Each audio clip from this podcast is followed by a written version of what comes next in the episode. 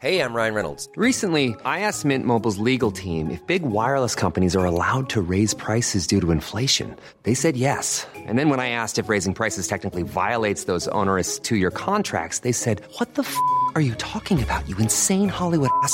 F- So to recap, we're cutting the price of Mint Unlimited from $30 a month to just $15 a month. Give it a try at mintmobile.com slash switch. $45 upfront for three months plus taxes and fees. Promo rate for new customers for limited time. Unlimited more than 40 gigabytes per month. Slows. Full terms at mintmobile.com.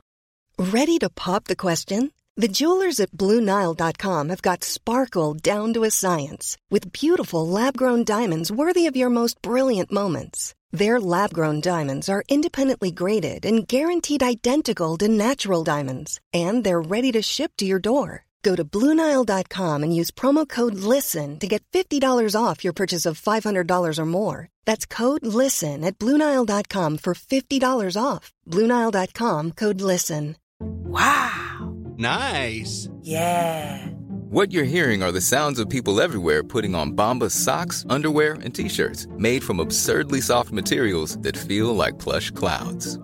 Yeah, that plush. And the best part? For every item you purchase, Bombas donates another to someone facing homelessness. Bombas. Big comfort for everyone. Go to bombas.com slash ACAST and use code ACAST for 20% off your first purchase. That's bombas.com slash ACAST. Code ACAST.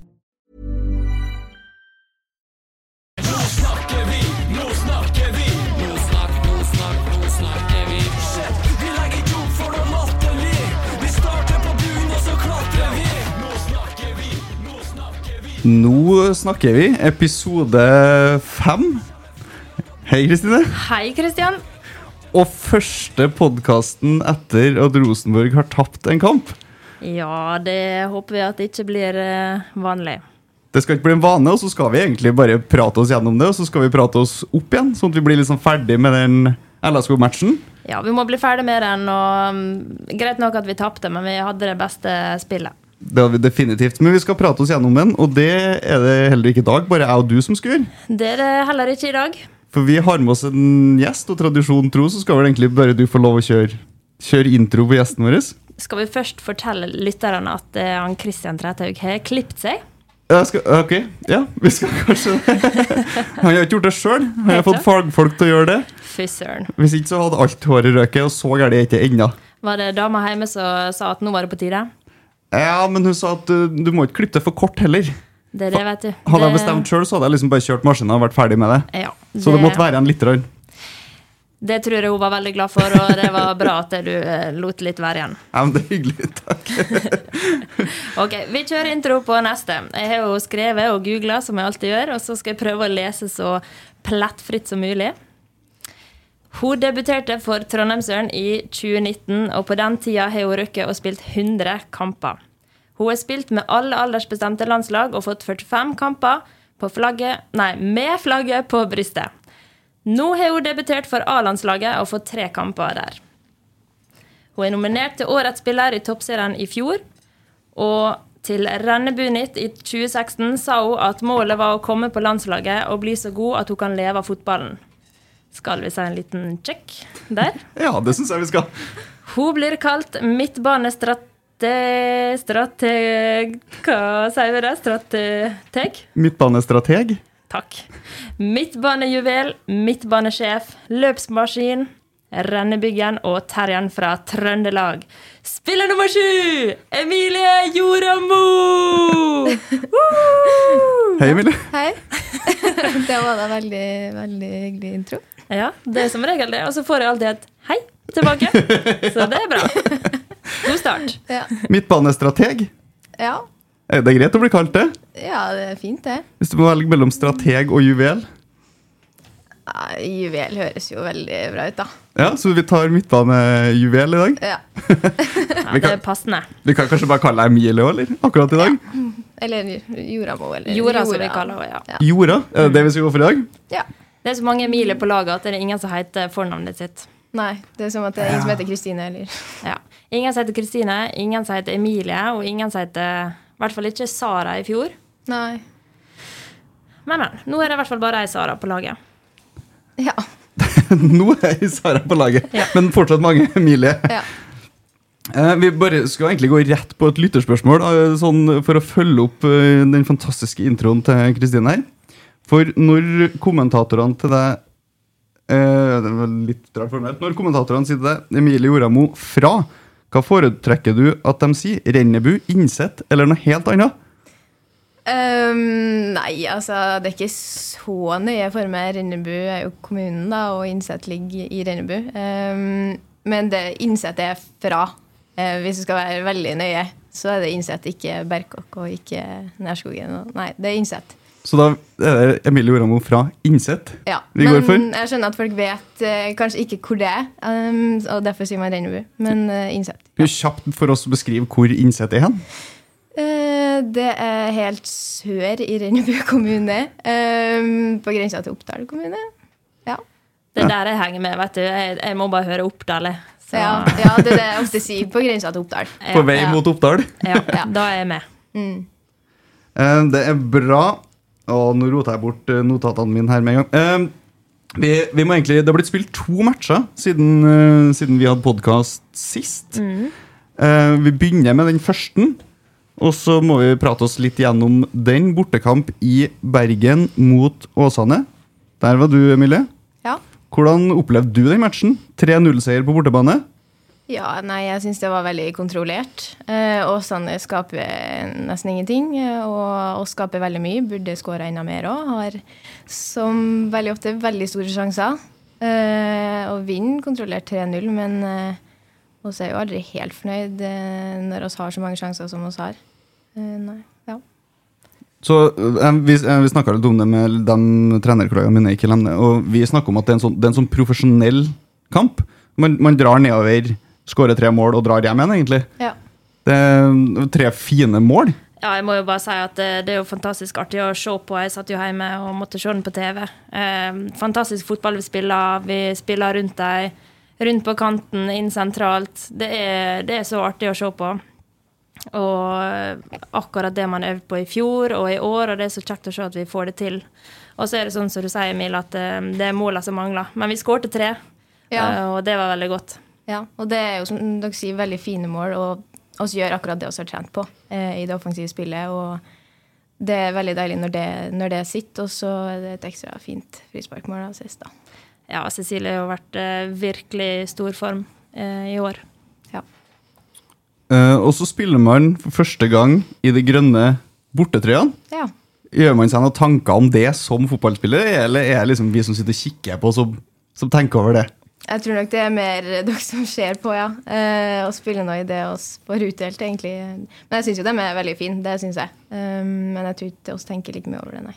Der, der må jeg bare kjøre inn en liten sånn personlig mening. For eh, vi satt jo her eh, jeg tror det var den første episoden eh, etter draktlansering og sånn, og jeg virkelig hyller de draktene. De er helt fantastiske. Men for meg så blir det litt unødvendig å spille i bortedrakt når ikke hjemmedrakten krasjer.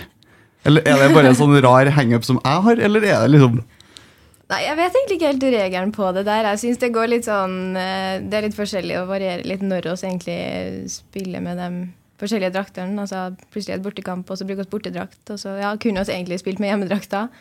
Nei, Så jeg vet egentlig ikke. Jeg spiller nå med det jeg får. Hører bare etter. Jeg må jo si at uh, jeg syns den er så fin at jeg syns vi kan spille den enda oftere. Og jeg så også at eh, herrelaget spilte i den hjemme, stemmer det? Ja, Ja, Nils Arne-kampen. Ja. Ja. Det hadde ikke noe sammenheng med det, kanskje? Eh, Det vet jeg ikke. Eh, Det, det er sikkert bare min preferanse, for at jeg er sær. Jeg mener at Rosenborg er svart og hvit, med mindre det krasjer. Ja. Det er litt sånn utgangspunktet, utgangspunktet mitt. Men jeg, jeg skjønner at jeg taper mot kapitalismen. eller et eller annet. Her skal det selges drakter. De er fantastisk fine, da. Det må sies. De er fantastisk fine, og du får bare sitte her og være så sær som du er. Så det går fint. Jeg skal være litt sær nå, men jeg skal, jeg skal også skryte litt etter den kampen. For um, jeg satt jo sånn på, på TV-en. Og han Åsane-treneren i sånn postmatch-intervju der eh, Det var utrolig befriende for meg som TV-seer og sikkert litt fotballnerd å sitte og høre på. For han, sånn som jeg opplever det, så analyserer han fotballkampen fotballfaglig. Um, han sitter og snakker om at man sliter med, med å få kontroll på kantene til Rosenborg, at man blir overkjørt i midten. Eh, de hadde vel også gjort en liten sånn twitch på, på hvordan de spilte. Eh, de har spilt med en trebackslinje tidligere. Ja. Så de ut i 4-3-3. Men han, etter kampen så, så, så står han og snakker om den kampen vi har sett, på et høyt fotballfaglig nivå. Det syns jeg var litt gøy. Ja, det er litt gøy. Og så er det selvfølgelig gøy å høre på. Du som har sett på også, ser at eh, det stemmer faktisk det han sier. Og så liker du selvfølgelig ekstra godt fordi at han skryter Rosenborg opp i skyene. det hjelper jo alltid på. Ja, det, det var ikke først og fremst det.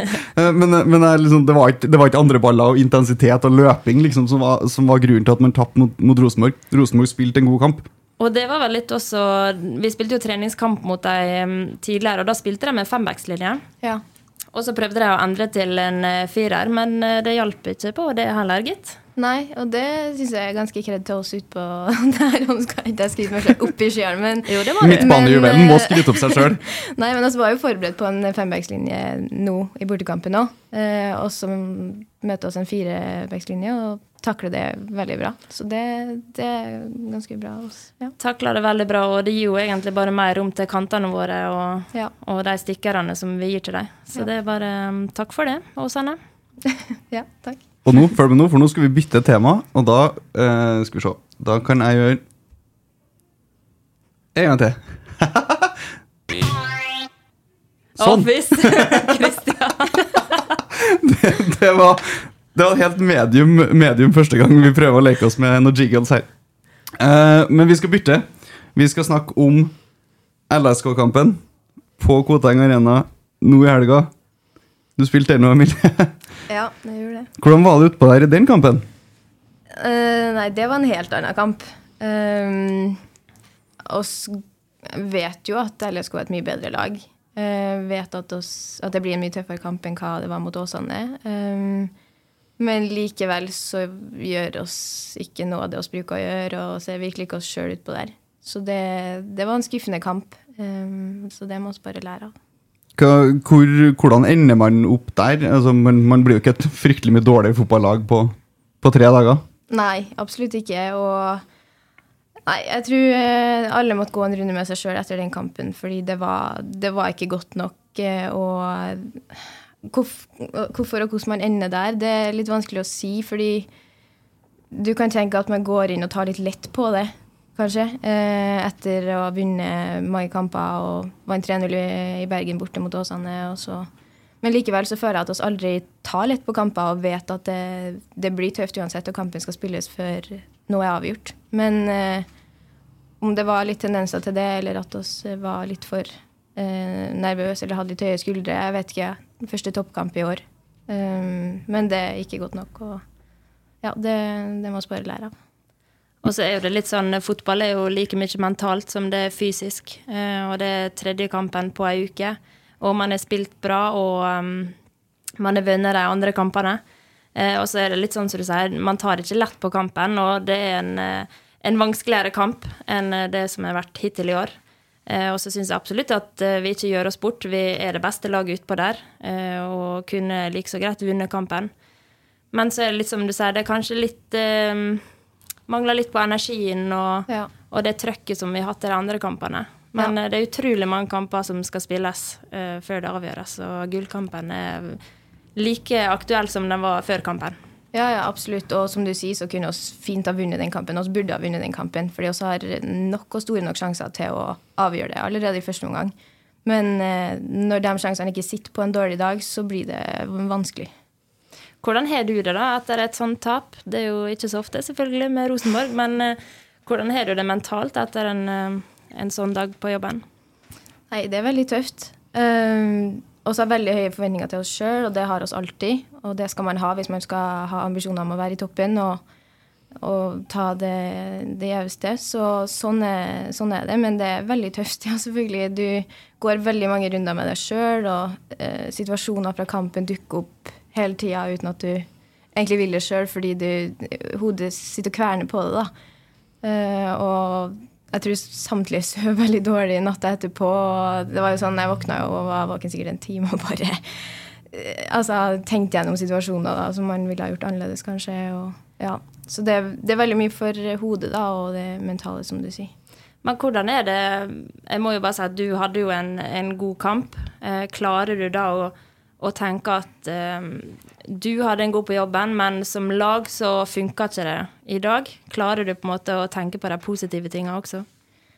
Ja, jeg tror kanskje det um, Hvis jeg virkelig kjenner med meg sjøl at jeg har gjort um, mye av det jeg kunne ha gjort i den kampen her uansett. Uh, selvfølgelig, uh, den følelsen man sitter igjen med etterpå, at man taper, den tar overhånd og tar liksom mest plass. At uh, oss burde vunnet den kampen uansett. Uh, men jeg tror jeg har vært enda mer skuffa hvis jeg hadde visst at jeg, jeg kunne ha gitt mer i den kampen her, eller jeg kunne øh, eller at jeg hadde en skikkelig dårlig kamp sjøl, da. Så selvfølgelig, det hjelper jo å vite at øh, det var en grei prestasjon av meg sjøl, men, øh, men, det er litt sånn Det hjelper jo ikke når man taper likevel. Mm. Mm. Og så kampen, Når man drar hjem fra Koteng, så, så, kjenner man jo på at man på en måte har tapt en kamp, og man er skuffa for det. Men for min del, som bare kikka kampen og ikke spilte den, heldigvis for alle, uh, så, så kjenner man jo liksom jo lenger unna man får kampen, at her er det altså man har jo egentlig kontroll på kampen hvis man får satt noen av de sjansene der. Ja. Jeg tror jo at et mål i første omgangen kunne ha liksom endra dynamikken i matchen. Uh, jeg synes, Jo lenger unna jeg får matchen, så syns jeg egentlig kampen til Rosenborg bare blir bedre og bedre. Altså, jeg skjønner at det er liksom lett å sitte på sida og si, men, men det, er jo, det, er jo, virkelig muligheter her. Og LSK har ikke så mye store målsjanser. Nei, de har vel tre litt store, to i tverrliggeren og den de skårer på.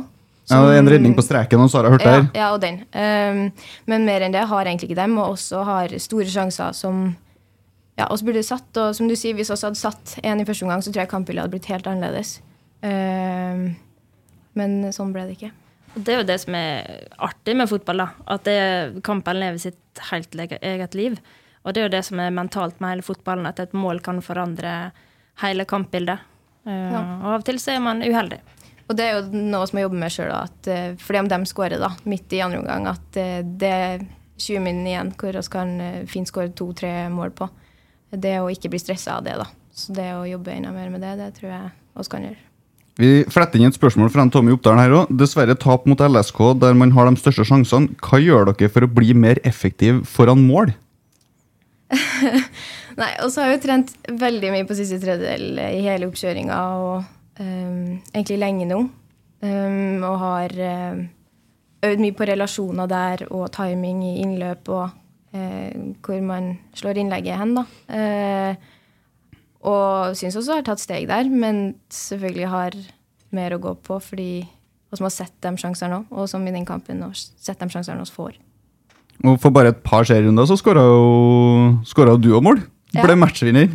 Du, ja. du har ikke skåra veldig mye mål i Rosenborg. Det er ikke først og fremst jobben din, heller? Nei, jeg har, nei, jeg har ikke det. Um, og det, nei, det er ikke hovedjobben min, men det er jo det som er det artigste utpå her. Så jeg har jo veldig lyst til å bidra mer med målpoeng i år, og det, det har jeg jobba med lenge, og det ville jeg gjerne i fjor òg. Så går det forhåpentligvis sakte, men sikkert, og så er det ekstra deilig å sette en, et mål som jeg har øvd på lenge, og spesielt en relasjon med Synne på kanten her. Ja, det var jo et veldig fint mål, da. Og så er det så kjekt, fordi det er så mye um, av det spillet vårt er å komme rundt på kanten, og kanten slår innlegg, og så scorer man på det. det. Det er så befriende, fordi det er akkurat det man er trent på. Ja, det er ingen tilfeldigheter, da. Altså, alt er veldig bevisst, og, og timinga på det er bra. Ja. Helt perfekt, faktisk. Ja, det ble det. det er veldig fin scoring. Det ble veldig viktig òg. Ja, det ble fort det. Jeg tenkte først at det her var en av mange den kampen, men det ble brått veldig viktig. Mm. Tommy Oppdal er videre inn på det med flere spørsmål han stiller. Kan sløsinga med sjanser bli utfordringa i veien mot seriegull? Ja, det kan jo det. Hvis vi ikke klarer å sette sjansene våre, så vinner vi jo ikke kamper. Eh, så absolutt. Men eh, jeg syns jo også jeg har tatt steg der òg, fra i fjor Skårer flere mål. Og ja, men det, det, det å lære av sånne kamper hvor man kanskje ikke får så mange sjanser, og være enda skarpere i de situasjonene, være enda mer på i forkant. Og, ja, for det, det kan bli viktig. Og så er jo det noe fotballspillere trener på hver eneste dag. Det, du ser det i alle klubber. Alle trener på avslutninger. Så det er ikke, det er ikke enkelt å skåre mål, men når man først klarer det, og kanskje den bobla sprekker, da, så kommer det flere mål. Ja. Vi skal ta det siste fra Tommy Oppdal. Hvor viktig blir det å beholde hele laget ut sesongen, og behøver dere forsterkninger i sommer? Eh, del opp i to og ta det første først, da.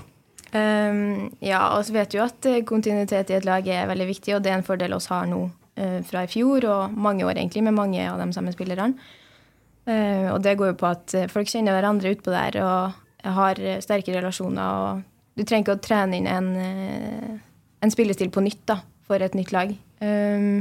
Så det å beholde spillere er selvfølgelig veldig viktig, og ja, det, det kan jo bli avgjørende. Men oss har en veldig god stamme i laget og veldig, veldig sånn innarbeida spillestil hos alle, egentlig. Så oss har en veldig god tropp, og det tror jeg blir viktig.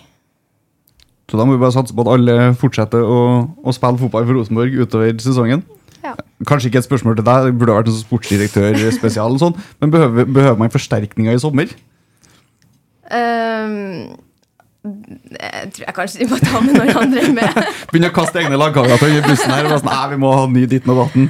Nei, det tror jeg du får spørre noen andre om. Jeg tar utgangspunkt i det vi har nå, og det er jo det man må gjøre. Ja, Det er ikke Emilie sin jobb å svare på det. Nei, Det er sånn adresseopplegg, føler Ja, jeg. det er det. De kan sitte og spekulere i hva som kommer og litt sånne ting. nei, det blir for mye å fokusere på for min del. Ja. Men det er jo det som har vært eh, bra for oss, da, det er jo at vi har klart å holde på det laget vi hadde i fjor.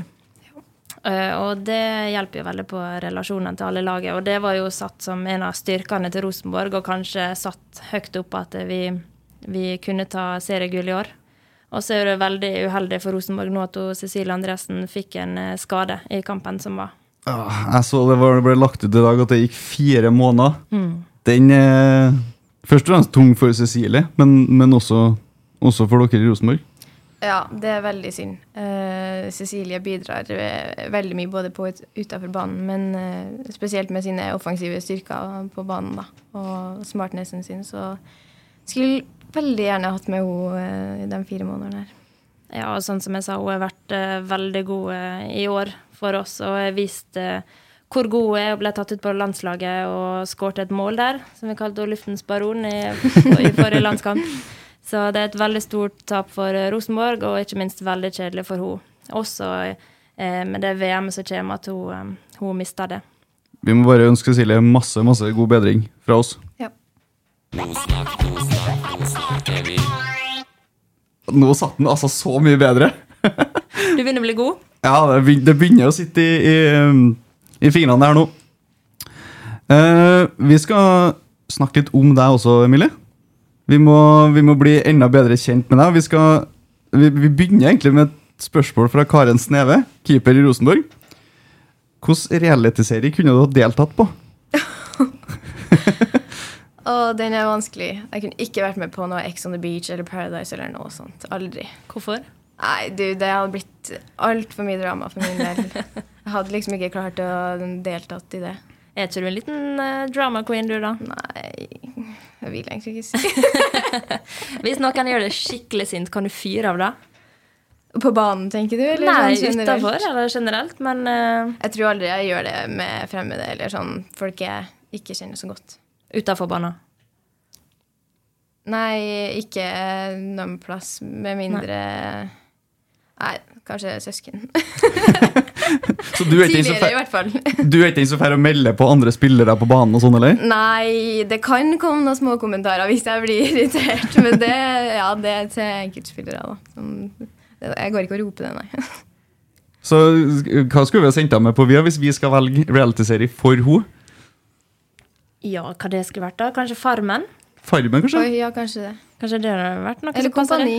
Kompani, der tror jeg Det det, tror jeg faktisk hadde vært litt kult. Bli en bedre versjon av deg sjøl der. Ja. Nøttebrun Dag Otto Lauritzen. Og Ja, nei, Det tror jeg hadde vært litt kult. Jeg tror du har vært mentalt uh, tøff nok til å stå i det.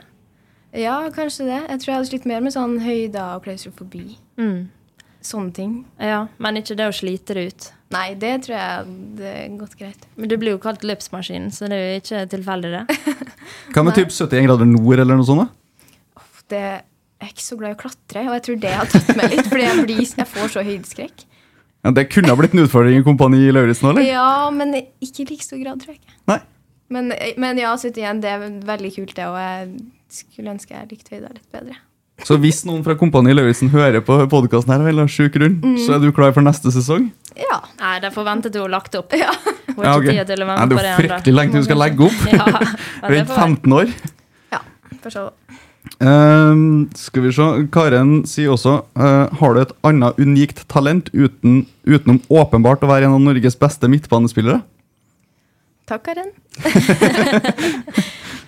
Uff, nei, uh, skjult talent Jeg tror faktisk ikke jeg har noe, fordi jeg kan så vidt å plystre, jeg kan ikke å knipse, jeg kan ikke å krølle tunga. Jeg kan ingen sånne ting som alle kan.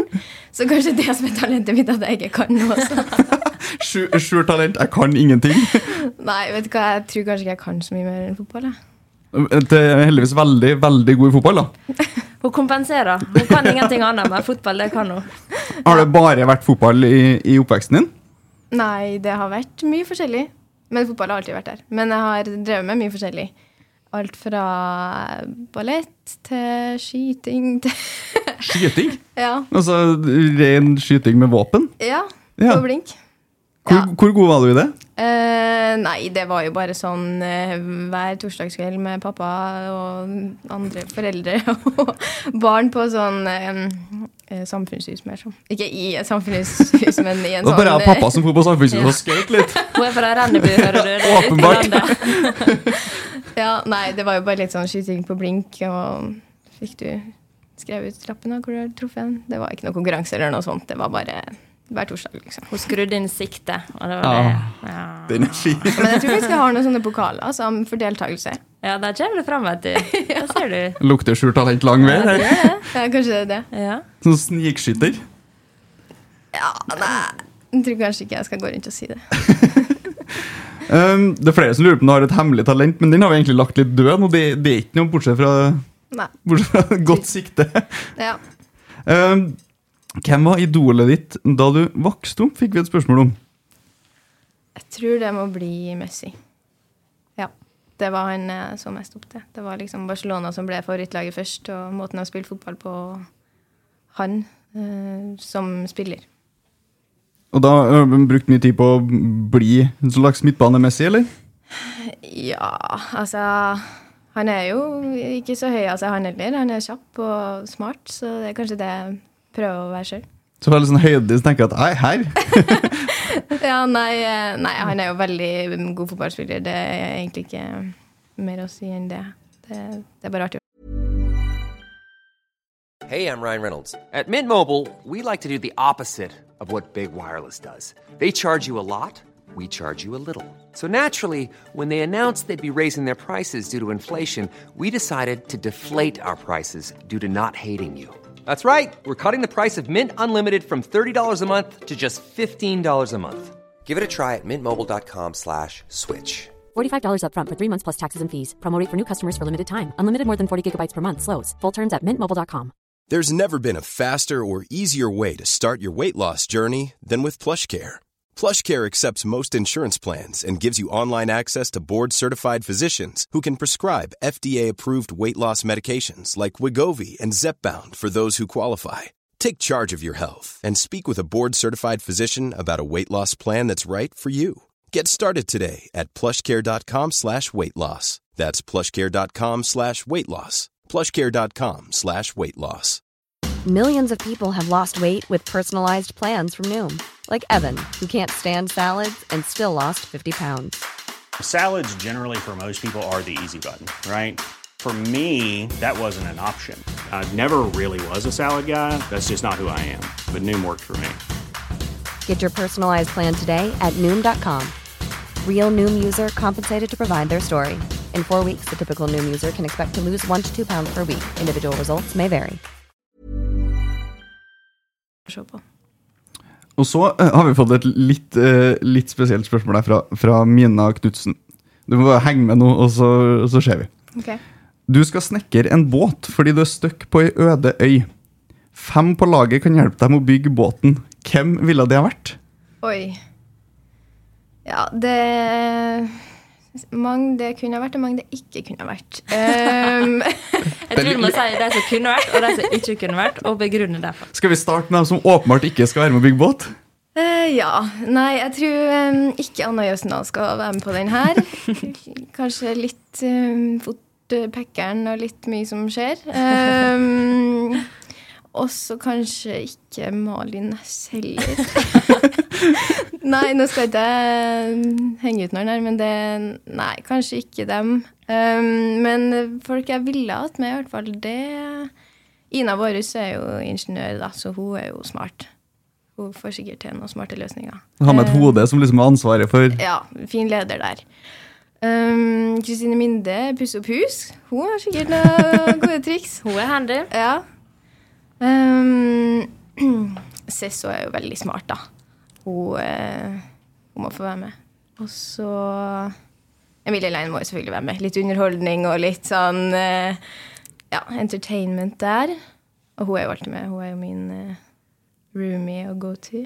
Um, hvem flere, da? Hvem skal være det? En til? Jeg har ikke tenkt på at jeg sitter og stirrer deg senk ned i øynene her. Ikke tenk på det. Jeg kjenner blikket fra sida. Ja, en Velg som er- hvem du tror. Ja, en som kanskje kan mekke litt podkast samtidig, da. Ja, det er litt uh, underholdning i lag med Aleine der. ja. Nei, jeg må ta med Kristine Leine òg, da. Ja. Og hvorfor det, da? Hva, Nei, hva hun er så bra med Det det? er bare konstant godt humør, alltid Pepsi i hånda. Nei da. Nei, det er mm, alltid godt humør og en, og, en, en god samtalepartner der. Men Mina lurer på hvem mest handy på laget. Du svarte jo litt på det men sånn som jeg hørte denne båtbygginga nå, så har du liksom to underholdere med, et par smarte hoder. Det er ingen som faktisk Det Blir Kristine Minde, da? Ja, hun er Så hun bygger mens alle andre står og kikker på? Jeg kan også bygge. Jeg- Faren min er snekker. Ja, der ser du. Så du og Minde står og bygger på at alle bare står rundt og Ja. styrer på? Ja. Det høres bra ut, det. Jeg er med på den. Har du blitt med den båten? Eh, ja, nå syns jeg kanskje at jeg tvang meg litt på her, men jeg kunne vel ha sagt ja til det, da. Ja, det synes jeg. Ja, det er greit. Hvis alternativet er å være på Nødøy, så tar du sjansen på båten til, til Minde Juramo. Ja, siden hun Minde er med og Ina, så skal jeg hive meg med på den båten. Ja, det er bra, da kommer dere i hvert fall av den, um, av den øde øya. Eh, Trollungene i Bergen Det, jeg, det, det var faktisk en konto som dukka opp her for et par dager siden. Det er gøy. Tydeligvis en gjeng rosenborgere i Bergen. Ja. Det er jo helt konge. Ja. Uh, lurer på favorittlåt før kamp og på trønderfest. Ja. Eh, før kamp så Jeg tror egentlig ikke jeg har én låt jeg må spille av. Jeg tror det er mer sånn hva jeg hører på der og da i den perioden. Og noe som girer meg opp, selvfølgelig. Hva sjanger hører du på, da? Jeg For det meste er pop, ja. Er det pop? ja. Um, det blir fort det. Har du ei egen liksom, eh, spilleliste for kamp? Nei. Jeg har egentlig ikke det. Nei. Alle har sikkert det, men jeg har ikke det. Nei, jeg har ikke det. Jeg har lyst til å si til Kristine Leine, og der er det alt fra ballader til, ja til tekno. Så du kan liksom bomme grovt før kamp, der, og så kommer det en skikkelig rolig ballade. Ja, veldig. Men har du, noe, har du noen forberedelser til, til kamp? Noen rutiner eller noe sånt du må gjennom? Um, jeg tenker jo alltid sånn, jeg har jo egentlig ingenting, men egentlig så har jeg jo sikkert det.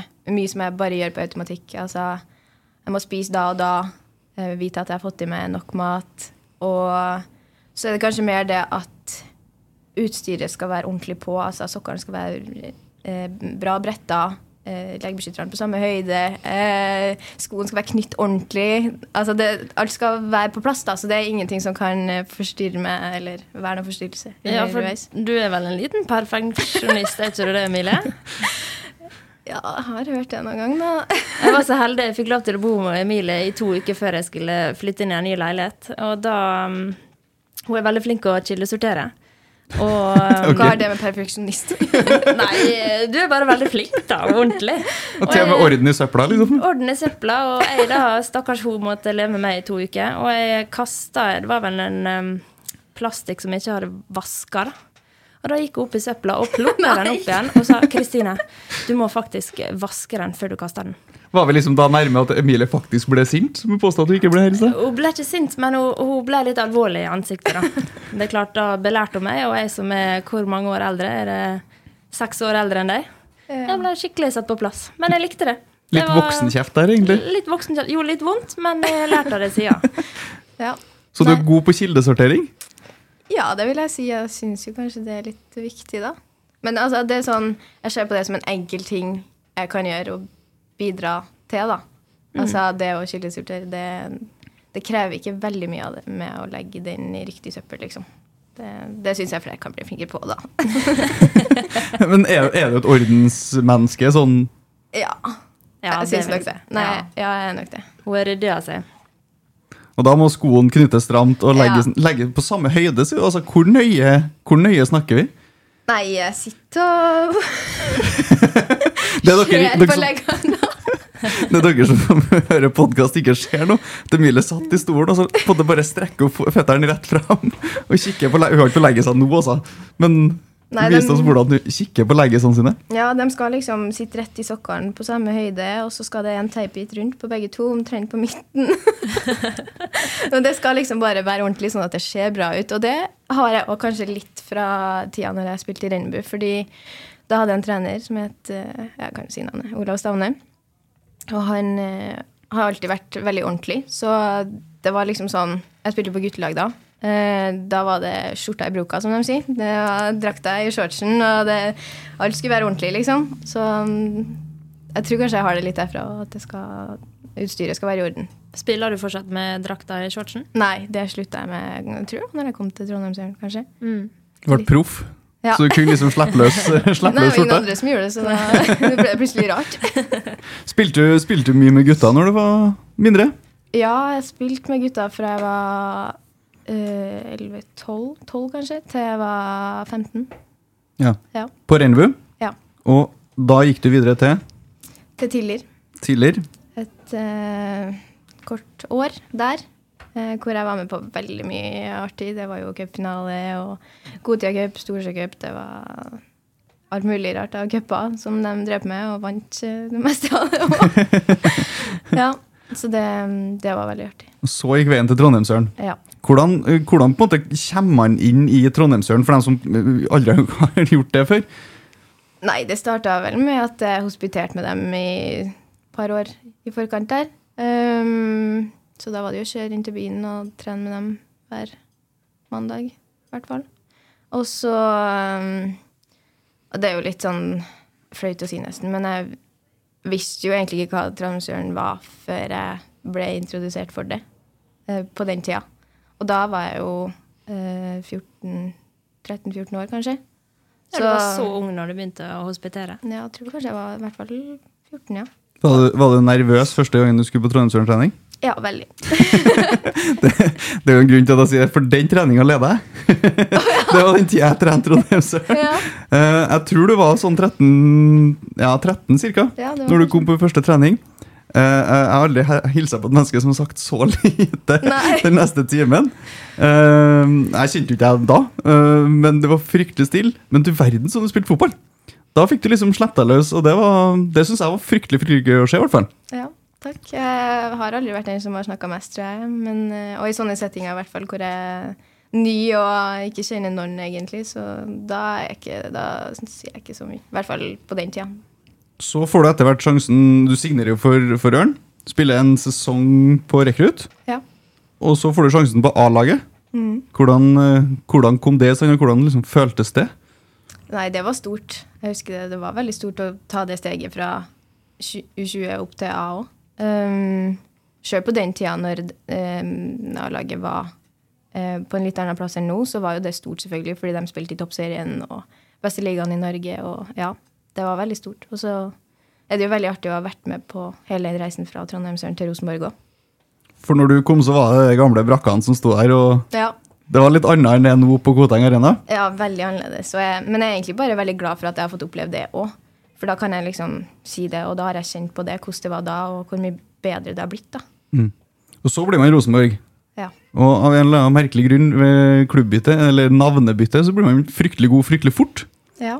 Hvordan, hvordan på en måte opplever du Vi snakka litt med Elin om det også, for et par episoder siden. Hvordan på en måte opplevde du den, den perioden der, der der man bytter draktfarge, bytter navn, og plutselig begynner å vinne fryktelig mye fotballkamper? Det var jo nesten litt rart, fordi plutselig fikk man masse oppmerksomhet, og det eneste som var nytt, var navnet, liksom. Det var jo samme spillere, samme trenere, og så var jeg på samme plass, og så plutselig så vet folk hvem vi er. Så det var jo selvfølgelig veldig rart. Og så det å ta så store steg eh, på fotballbanen nå, på så kort tid, og så tapte jo ikke én kamp den sesongen, og ja, tapte vel gullet på målforskjell. Ja. Men har du en formening om hvorfor man plutselig ble så god? Det ble jo det skiftet til navnet ble Rosenborg, men hva var det som gjorde at dere som lag plutselig ble så mye bedre? Um, det Det er vanskelig spørsmål. Men Ja, og så litt sånn Nå føles det litt lenge siden ute òg, for min Mm, del. Det er jo noen år siden. Um, og så vil jeg jo ikke si at det er navneendringa som gjorde det, fordi ja, det ble litt økt oppmerksomhet. Kanskje man fikk litt mer av nå. Altså, eh, det ble litt mer prof profesjonalisert. Mm. Um, men jeg tror nok det viktigste var eh, trenerbyttet året før. Og det å få inn Steinar. Og hadde hatt han i ett år, og da to år med den sesongen. Og jeg vet liksom ikke helt hva grunnen til at oss, oss tapte ikke én kamp. Vi var skikkelig solid defensivt. Det var oss. Eh, og det var jo noe av det vi jobba mest med til å begynne med med Steinar òg. Å bli solid der, sånn at det skulle bli vanskelig å spille mot oss. Og så ta det offensive etterpå, på en måte. Fordi da kunne man i hvert fall ikke tape stort og eh, berge mye uavgjort og poeng sånn, da. Um, men det var jo Vi vant jo en del kamper og ble åpenbart et mye bedre lag òg. For det ble mye bedre struktur, og relasjonene ble mye bedre. Ja. ja, det har nok hatt mye å si. Man ser jo det på spill i dag, at eh, relasjonene sitter, og man spiller bra fotball i lag. Og det var kanskje det som var litt filosofien til Steinar når han kom inn. Ja. Sette den defensive strukturen, og så spille god offensiv fotball. Ja, absolutt. Og det, det har nok hatt mye å si, og det vet jeg jo. og Der ser man jo hvor uh, viktig det er, og at Steinar ser på det som noe som er veldig viktig òg. Det er jo Altså, spillestilen vår er jo avhengig av det. Og så får du etter hvert sjansen på A-landslaget. Ja. Hvordan er det å, å få den telefon, eller få en telefon, eller hvordan får man beskjed om det første gangen? Uh, jeg tror jeg bare fikk beskjed gjennom at uh, uttaket kom ut, liksom. At det var der jeg så at jeg sto på. Husker du det første landslagsuttaket? Ja. Jeg husker jeg ble litt rørt, ja. Hvordan fikk du beskjeden? Jeg tror det var Minde som kom bort til meg faktisk i garderoben og visste det, fordi jeg satt ikke og så på der og da. Jeg var jo veldig spent sjøl. Så kom hun bort og ga meg en klem og bare gratulerte meg, så det var veldig fint. Ja, det er fint, da. Mm. Og så drar man på den første samlinga. Hvordan, hvordan er det å reise på den første A-landslagssamlinga? Jeg er jo litt ekstra nervøs selvfølgelig da. Um, men det var egentlig bare veldig fint, og det var jo litt sånn fordel for meg på den samlinga var jo at det var nytt trenerteam, så det var litt nytt for alle. Så det var liksom, Og så var det mange unge der, og jeg kjente en del fra før av. Så det å gjøre det jo litt enklere. Uh, bra. Uh, vi må bare ta et spørsmål til også, fra Jostein Vardehaug. Uh, det går litt på liksom, hvordan du er som spiller. For når du spi- spiller, viser du veldig ofte med hånda hvor du vil ha ballen. Hvor bevisst har du vært på å utvikle det, og når begynte du å trene det inn? Hver kveld står jeg foran speil. To timer der med peking. Nei, du, det, det tror jeg bare har skjedd av seg sjøl. Og må, med måten å spille på, måten jeg spiller på, at jeg alltid vil ha ball. Og alltid vært veldig sånn opplært til å skal ville ha ball, og jeg har alltid ville ha ball. Så da er nok det bare en um, ting jeg gjør i tillegg for å kreve ballen. Ja. Så det er ikke noe, du, liksom, du bruker ikke noe, noe tid på å tenke på det underveis i matchene? eller sånne Nei, jeg vet ikke at jeg gjør det engang, egentlig. Jeg tror, det skjer bare på automatikk. Så du blir veldig tydelig jeg vil gi meg ballen her. Ja. Og så blir du så ivrig at du på en måte vil Vise- vil vise det fram. Ja. Eh, Det er jo en god egenskap. Jeg ser for meg at det kan være lettere for de andre å, å spille på riktig fot osv. Ja, det gjør det veldig mye enklere. Og Joromo er veldig flink til å vise hvor hun vil ballen, og er flink til å ta imot de pasningene som blir gitt henne. Da, er det um, tryggere å gi henne ballen nå. Så um, det er en veldig, veldig god egenskap. Og så er det kanskje litt mye fokus på det i pasningsøvelser også, at man begynner allerede der, i basisøvelsene, og øver på å vise hva fot du vil ha ballen på. Og du har jo på en måte fått inn der også, kanskje? Ja. Eh, Vi glemte visst det å svare på favorittlåta di på Trønderfest, sa jeg nå. Eh, ja. Eh, den musikken tror jeg noen andre styrer, så du får høre med Mali og Maria der, tror jeg. Det er Mali og Maria som er liksom DJ-er. Ja, Best på trøndermusikk, i hvert fall. Ja, det, det er sikkert. Eh, bra. Vi eh, møter Lyn til helga. Nå lørdag 29. april, kvart på fem på Koteng Arena. Det ble veldig spennende. Lyn var jo et lag i fjor som eh, vi sleit veldig mot. Et eh, lag som er ekkel å møte. Ligger godt defensivt og aggressive når de først eh, kontrer. Hvordan er inngangen til eh, kampen? Um, nei, altså så vidt begynt å tenke på den nå. Uh, jeg har hatt en treningsøkt i dag. Um, man må kanskje skru litt om etter at man har tapt uh, en kamp mot Lillestrøm. Selv om man har spilt uh, en god kamp, så har man likevel den følelsen at man har tapt. Blir det en liten sånn omstilling i hverdagen nå at eh, nå må dere gi, gi på et ekstra Ja. Eh, at Ja. dere må ta i litt ekstra på trening for å vise at uh, dere skal vinne neste kamp? Ja, det tror jeg, og det tror jeg kommer litt av seg sjøl nå, med tanke på den opplevelsen vi hadde i helga. Um, og så tror jeg folk er ekstra gira på revansje og vise at vi er mye bedre enn det vi viste i helga. Og, og så vet du også at det ikke blir noe lett kamp mot Lyn, fordi som du sier, så har vi slutt mot dem før. Um, men eh, jeg tror alle er veldig gira på å bevise at uh, oss kan eh, mye bedre, og, og at oss må rett og slett bare fokusere på det grunnleggende og det basice uh, til å begynne med.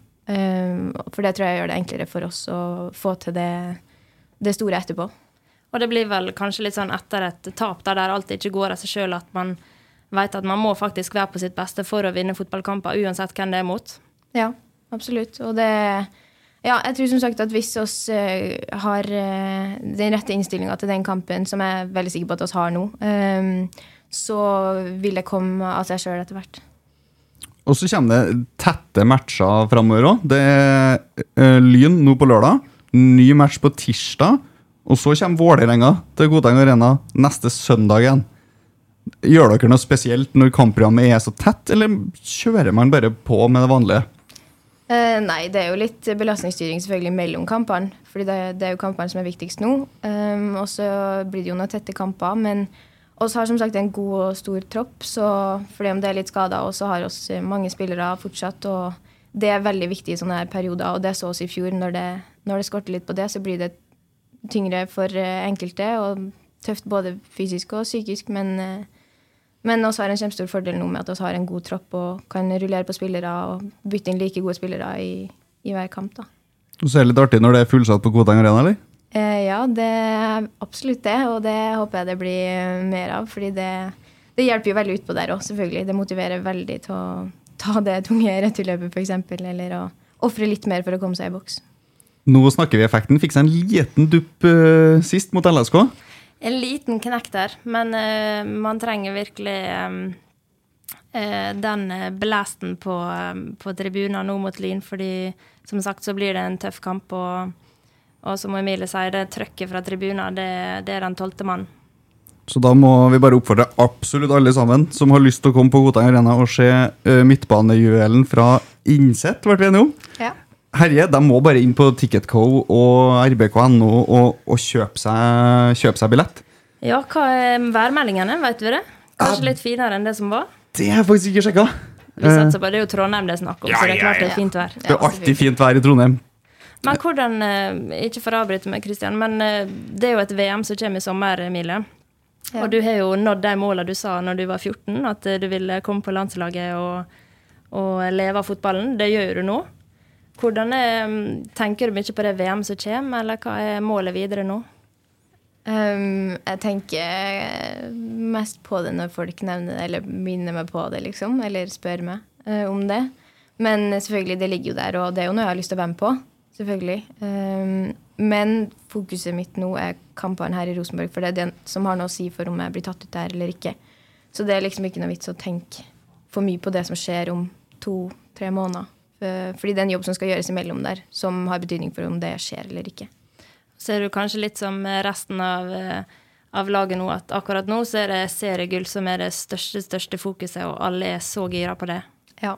Det, det ligger veldig høyt å ta det, og alle kjenner veldig på det nå Den denne sesongen her, at det, det har betydd veldig mye, og det er noe vi trenger. ja. Og første sjanse til å ta tre nye poeng mot det seriegullet er nå på lørdag mot Lyn.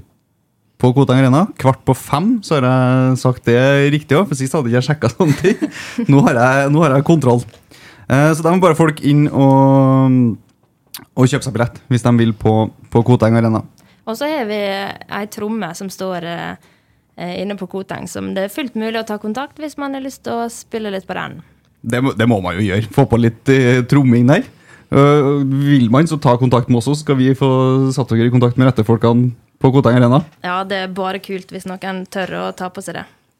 Og så, bare helt før vi avslutter, så skal vi Skal vi si litt om uh, neste episode av Nå snakker vi. For da får vi besøk av uh, Sissel Hartley. Hun er markedssjef og forretningsutvikler i Toppfotball kvinner. Interesseorganisasjonen for, eh, for toppserien. Det blir lagt ut bilde og muligheter for å stille spørsmål til hun også. Eh, så inn og sjekke det. Og Forbered seg og stille noen gode spørsmål til Sissel Hartley om hva som skjer. På en måte, da er vi litt mer eh, på det overordna, hva som skjer i og rundt selve og hele toppserien. Eh, mer enn at vi skal på en måte i, i Rosenborg-dybden neste gang. Så da må vi bare oppfordre folk til å inn og sjekke det også. Ja, det er jo også veldig spennende samtale, for det er veldig mye som har skjedd i kvinnefotballen eh, de siste åra, og som sikkert kommer til å skje de neste åra. Og hun er vel en finger med det, så det blir eh, veldig eh, kjekt å ha henne som gjest. Så det er bare å følge med der du hører podkaster. eh, Emilie Uramo, tusen takk for at du tok deg tida til å prate med oss. Og masse lykke til mot Lyn på lørdag. Tusen takk for det, og takk for at jeg fikk komme.